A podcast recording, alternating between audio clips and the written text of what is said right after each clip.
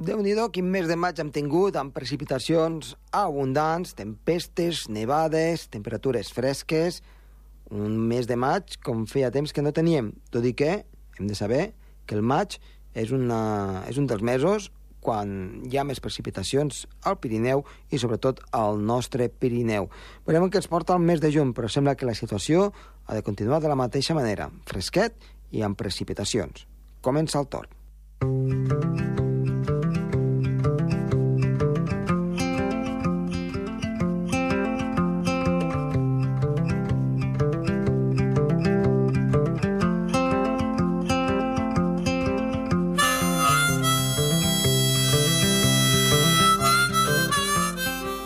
Doncs sí, déu nhi aquest mes de maig, amb les precipitacions, la fresca, encara la neu molt abundant a l'alta muntanya. Avui parlarem doncs, de, també d'aquestes coses, parlarem de l'aigua dels oceans, una mica farem un cop d'ull als volcans, també de forma, diguem-ne, molt fugaç de com està la situació en aquests moments en quant a la polinització i parlarem també què li passaria a la Terra si de cop i volta el Sol desapareixés. Som-hi!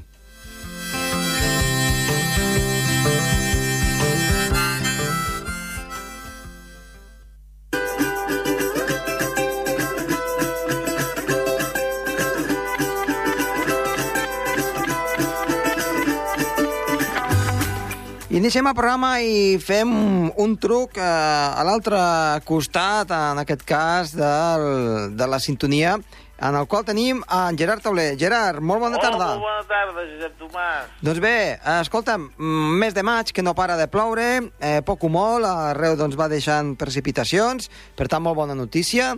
Eh, poc veiem el sol, però, en definitiva, eh, és aigua que, que ens arriba i aigua que després ens, ens servirà tant pel, pel que queda de primavera com especialment per l'estiu. Ja ho crec, ja ho crec, és molt bona aquesta aigua, perquè... Aigua de maig, eh? El clima mediterrani, amb les sequeres que hi ha, doncs, he convé de tant en tant un període més humit del normal. Uh -huh. Doncs escolta'm, aigua de maig, eh, fantàstica, i avui eh, justament ens vols parlar una mica de l'aigua, però en, aquesta, en aquest eh, cas, Dels oceans, de, Molt bé. de, de, del proper termorregulador. eh, l'efecte termoregulador de l'aigua dels oceans. Doncs endavant.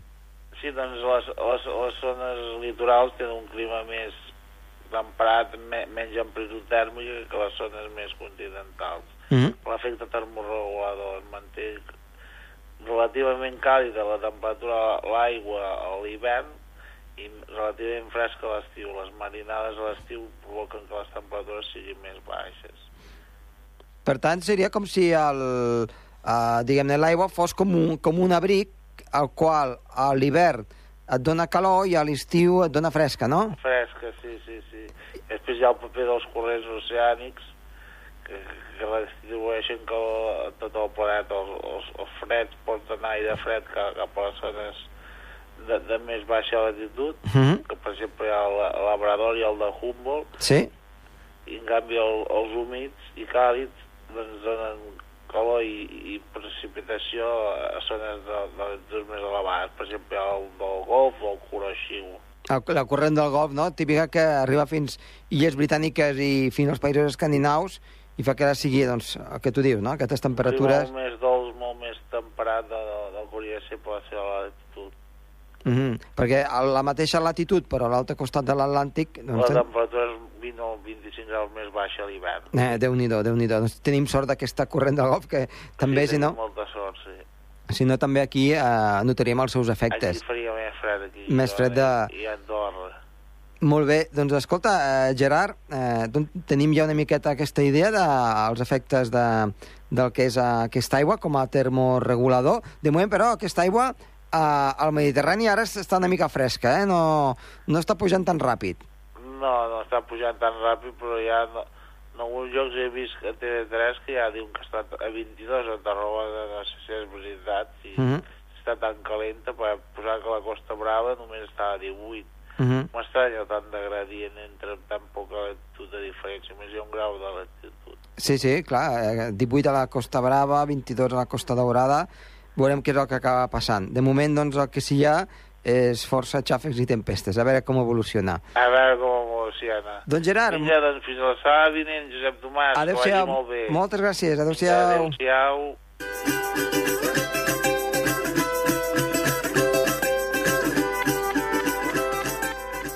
El Torb, amb Josep Tomàs.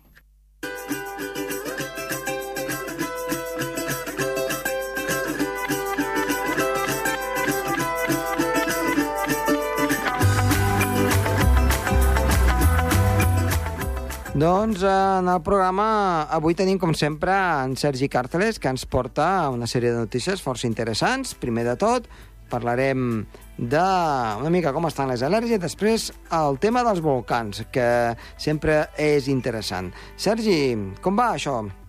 Hola, molt bona tarda. Bona tarda.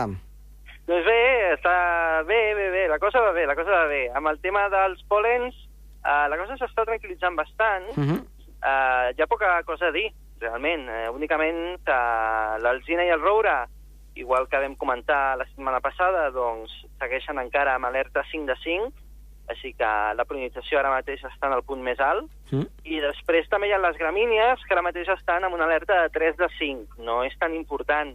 Però bé, a excepció d'aquest- d'aquestes dues plantes, d'aquests dos arbres, eh, de moment, les altres plantes representa que sembla que s'estiguin dormint, mica en mica, perquè ara ja pol·linitzen molt menys. No sé si és per eh, la calor, que ara cada cop hi ha més, i la neu ja es va desfent, ja no deu de cada tanta neu, o, o bé, que també ens estem apropant cada cop ja més a l'estiu, ens falta poquet per arribar a l'estiu, i ara les plantes ja comencen a deixar de pol·linitzar.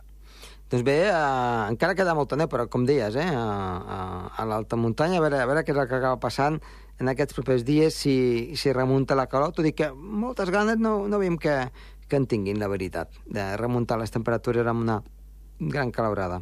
I, bueno, parlant de començament d'altes temperatures, anem a parlar avui d'un tema que també és d'altes temperatures, i és Mhm. que són els volcans.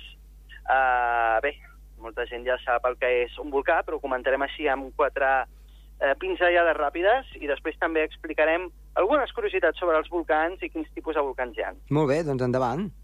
Bé, eh, per dir-ho eh, de forma ràpida, els volcans són estructures geològiques que normalment és en forma de con, és aquests típics volcans que tenim al nostre ideal, no? que sembla un con, una muntanya, no? que al mig hi ha un cràter, encara que evidentment hi ha molts tipus diferents de volcans i no tots tenen aquestes formes.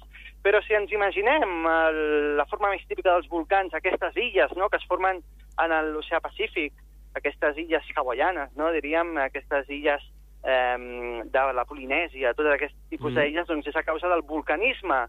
Però, clar, com és que es creen els volcans? No? Per què es creen tants volcans en aquelles zones i no, per exemple, aquí a casa nostra? Doncs una de les raons principals és a causa de les plaques tectòniques.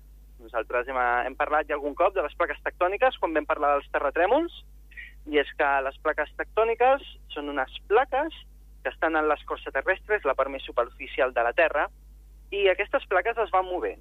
Es van movent de mica en mica, evidentment molt lentament, perquè si no eh, les estructures no serien possibles que es formessin i anirien mig marejats sempre, però aquesta, aquest moviment de les plaques i aquest impacte que tenen entre elles doncs a vegades creen tant terratrèmols com volcans. I ara explicarem el per què es formen els volcans.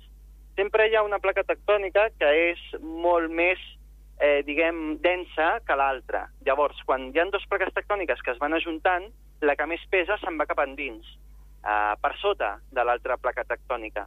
Llavors, què passa? Es crea un fregament, i aquests fregaments no només creen els terratrèmols, sinó que també el que fan és que s'acumuli molt de magma en un punt i a l'acumular-se tant de magma en algun moment ha de sortir. I és quan es creen aquestes xamanelles, que és per on surt la, la lava, no?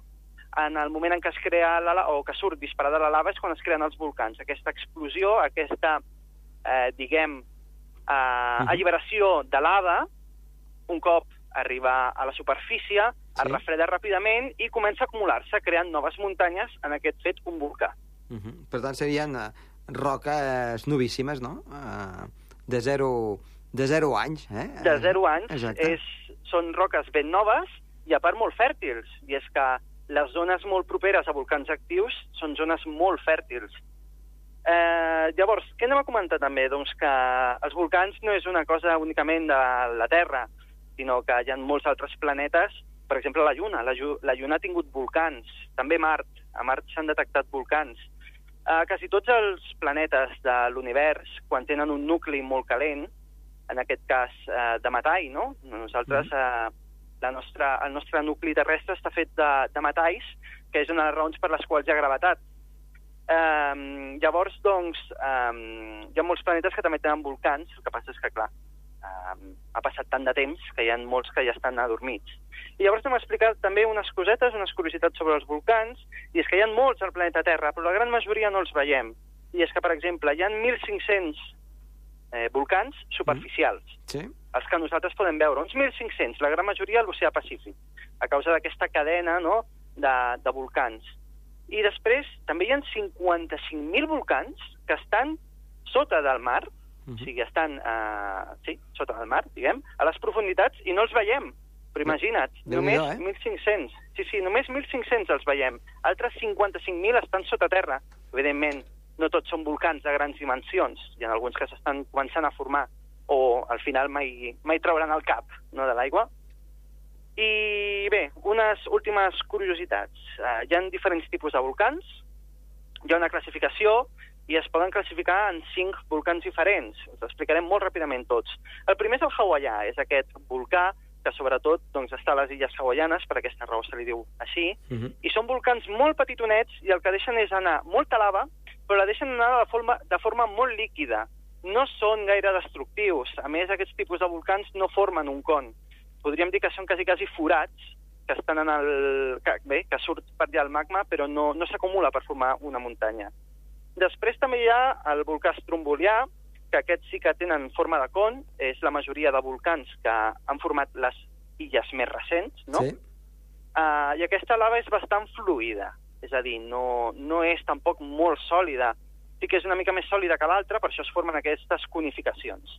Després hi ha el volcà Balear, que aquesta és una lava molt viscosa, és més, hi ha molta gent que el que ha fet, i ho podeu buscar per YouTube, són vídeos d'un riu de lava i llavors en aquell riu li posen una Coca-Cola, li posen un, un smartphone, bé, posen diferents coses i es veu com la lava va eh, doncs, menjant-se aquest material i es veuen els efectes no només de la calor, sinó també de la densitat. Um, sí, sí, sí. A més, aquesta viscositat també fa que el mateix volcà, a l'expulsar la lava, hi ha molts cops que s'acumuli tanta lava que es crea un propi tap. O sigui, el volcà es crea un propi tap Ja. i llavors es van allà acumulant els gasos fins que al final explota. Mhm, Llavors I sí és que una explosió. Sí, és perillós. són no? d'aquests volcans tan impressionants que quan exploten fan molt de soroll. I després dos més, el volcanià, que estem parlant d'un volcà bastant gran ja i que fa molts gasos, és més, quan eh, un volcà deixa anar molts gasos, pot formar fins i tot tempestes Mhm. de, de cendres. O sigui, la, la mateixa convectivitat que genera el volcà pot crear eh, llamps i trons del mateix volcà. I després l'últim, l'últim volcà, que és el Vesuvià, tret aquest nom del volcà Vesuvi, Sí? Que va ser, eh, bé, és un dels més famosos de la història de la humanitat, no?, amb, amb Pompeia, que es va menjar literalment Pompeia, i estem parlant d'un volcà molt gran, molt actiu i molt perillós. Per què? No només per la seva pluja de cendres, no deixen anar gaire, no deixen anar gaire lava, i quan la deixen anar és molt lenta.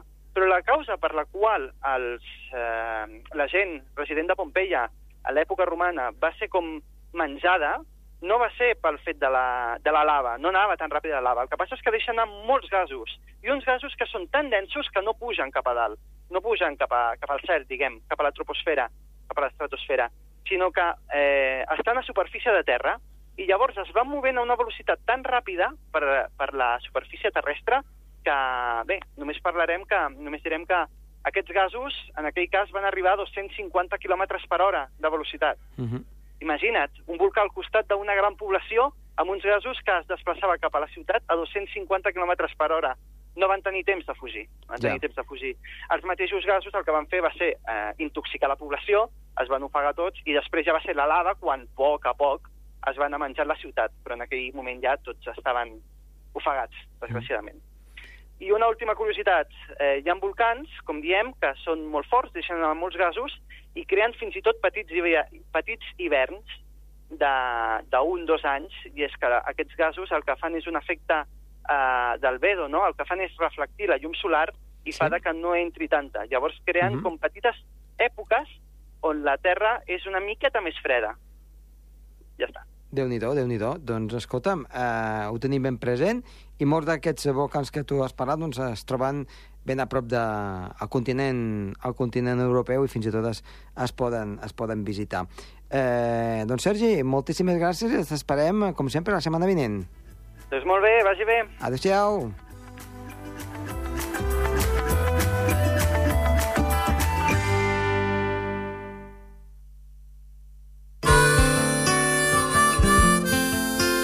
El Torb, amb Josep Tomàs.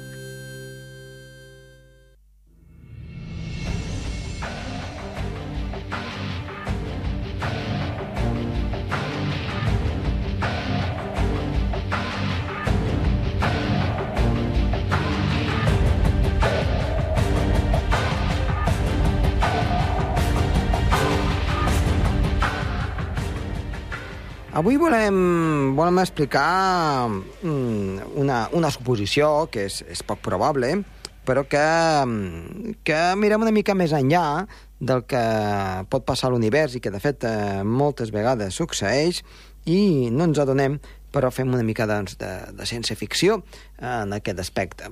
Volem suposar com passa amb molts planetes de l'univers que tenen sistemes solars similars al nostre, què passaria si l'estrella en la qual doncs, els hi dona calor, fa que pugui haver-hi vida o no, o de fet doncs, tinguin una estabilitat, de cop i volta desapareixés, de cop i volta s'apagués, si de cop i volta doncs, aquesta llum que ens arriba del Sol desapareixés.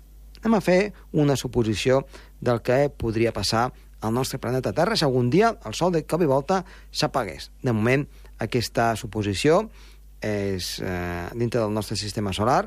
No serà així perquè el nostre Sol s'anirà consumint, encara li queda doncs, més de la meitat de la vida, per tant queden uns 5.000 milions d'anys, i el que passarà és que es, es convertirà en una gegant vermella que arribarà fins pràcticament a l'òrbita de Mar. Per tant, el que passarà abans és que la Terra doncs, quedarà fregida, per dir d'alguna manera, i no sé que anem a, a un altre lloc a viure, eh, o si no ens ens hem extingit, eh, d'aquí uns quants milions d'anys la situació doncs, serà totalment diferent. Però anem a posar aquesta suposició, un planeta en el qual hi ha doncs, un sol i de cop i volta doncs, aquest sol s'apaga.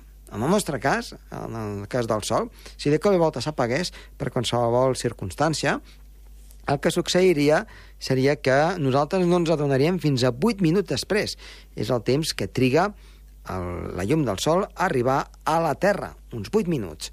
El, la primera cosa que succeiria seria que allí on fos de nit, doncs pràcticament eh, ningú se n'adonaria, però allí on, on fos de dia sí que de cop i volta el que succeiria és que hi hauria una manca de llum i, per tant, es veurien les estrelles. Però, atenció, es veurien les estrelles, però no es veuria la lluna, perquè la lluna, tant si estigués amb, amb, amb quart minvant, quart creixent, eh, lluna plena, si fos lluna nova, aleshores no, però si fos eh, com qualsevol dels estats de la lluna, en què doncs, es pogués veure una miqueta de llum reflexada del sol, com que no tindria aquesta llum reflexada, per tant, no podríem veure la lluna, veuríem un cel, en aquest cas, molt estrellat, molt bonic, però amb, amb, sense el reflexe de la lluna per enlloc.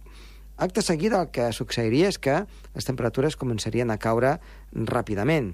A la primera hora podien caure dos o tres graus, i això succeiria també a tot el planeta, perquè seria de nit a tot el planeta.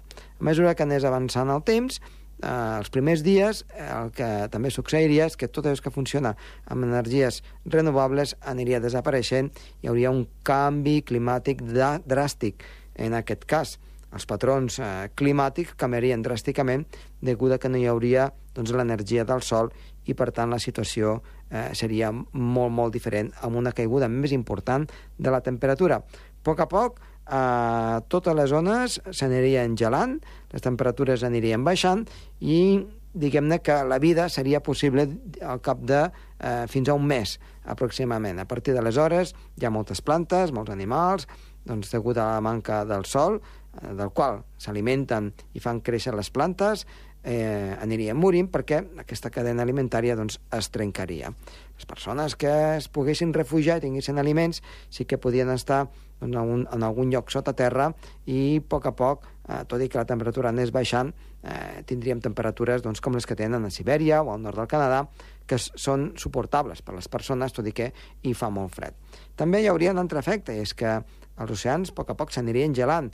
Per tant, totes aquelles espècies animals que estan a la superfície de l'aigua sí que patirien. En canvi, les que estan en zones més fondes pràcticament no se n'adonarien d'això. Si més no, durant els primers mesos. Arribaria un moment que en la superfície de la Terra aquesta temperatura oscil·laria entre els 100 i 150 graus sota zero.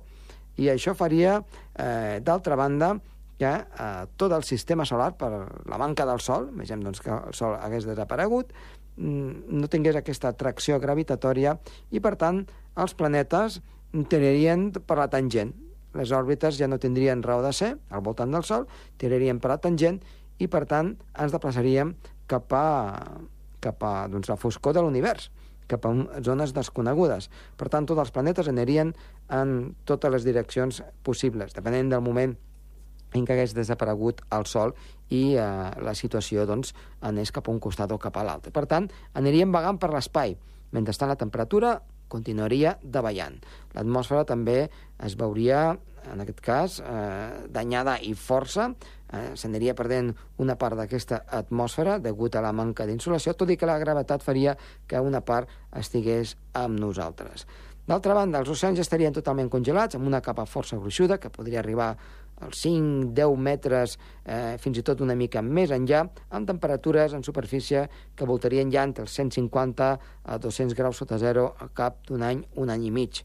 Per tant, si algunes persones haguessin pogut sobreviure, seria en aquest cas en zones doncs, eh, de l'interior de la Terra, on la temperatura, gràcies al nucli calent de la Terra, estigués eh, en temperatures una mica més elevades, o en el fons dels oceans, al costat de doncs, de, de punts geotèrmics, als quals allí la vida pràcticament continuaria com si res hagués passat. Quan ja haguessin passat 5-10 anys aproximadament, eh, sembla ser que aquesta temperatura a la superfície de la Terra podria baixar fins als 200, eh, 220 graus sota zero, una temperatura molt similar, per exemple, al que hi ha a Plutó, i això faria que pràcticament tota l'aigua dels oceans es glacés. Potser no, to, no tota en la seva part, però sí que una gran majoria, un tant per cent molt elevat. Per tant, aquí la vida sí que ja seria molt més complicada. Fins eh, que, després de mil·lennis o, o milions d'anys, eh, més aviat, arribéssim en algun lloc on hi hagués un altre sistema solar i fossin capturats per una altra estrella i a partir d'aleshores voltéssim eh, al, al costat d'aquesta aquest, nova estrella, que seria el nostre nou Sol, si tinguéssim aquesta sort.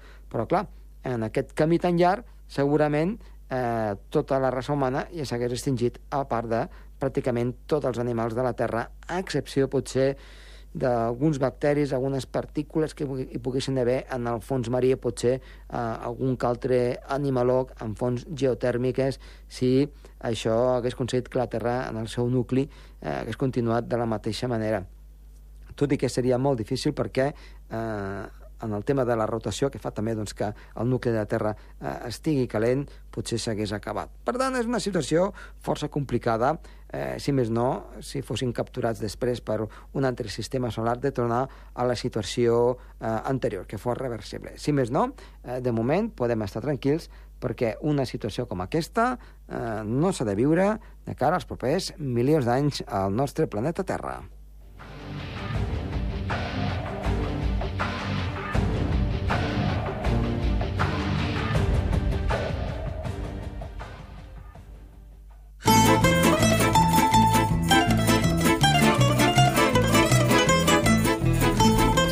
Doncs som-hi a la previsió pel cap de setmana, igual que està passant aquests darrers dies. El cap de setmana ha de ser amb uns matins, en general amb clarianes, amb algun núvol, amb estonetes de sol. Això farà que les temperatures doncs, puguin pujar una mica dissabte, farà una mica més de calor. Diumenge, per compte, sembla que té tendència a baixar una mica la temperatura, però dissabte a la tarda, algun calte ruixat, per tant amb nuvolades i diumenge aquests, aquestes nuvolades seran més compactes, s'espera que aquests ruixats siguin una mica doncs, amb més de cara i ulls. Com dèiem, diumenge baixarien lleugerament les temperatures. Doncs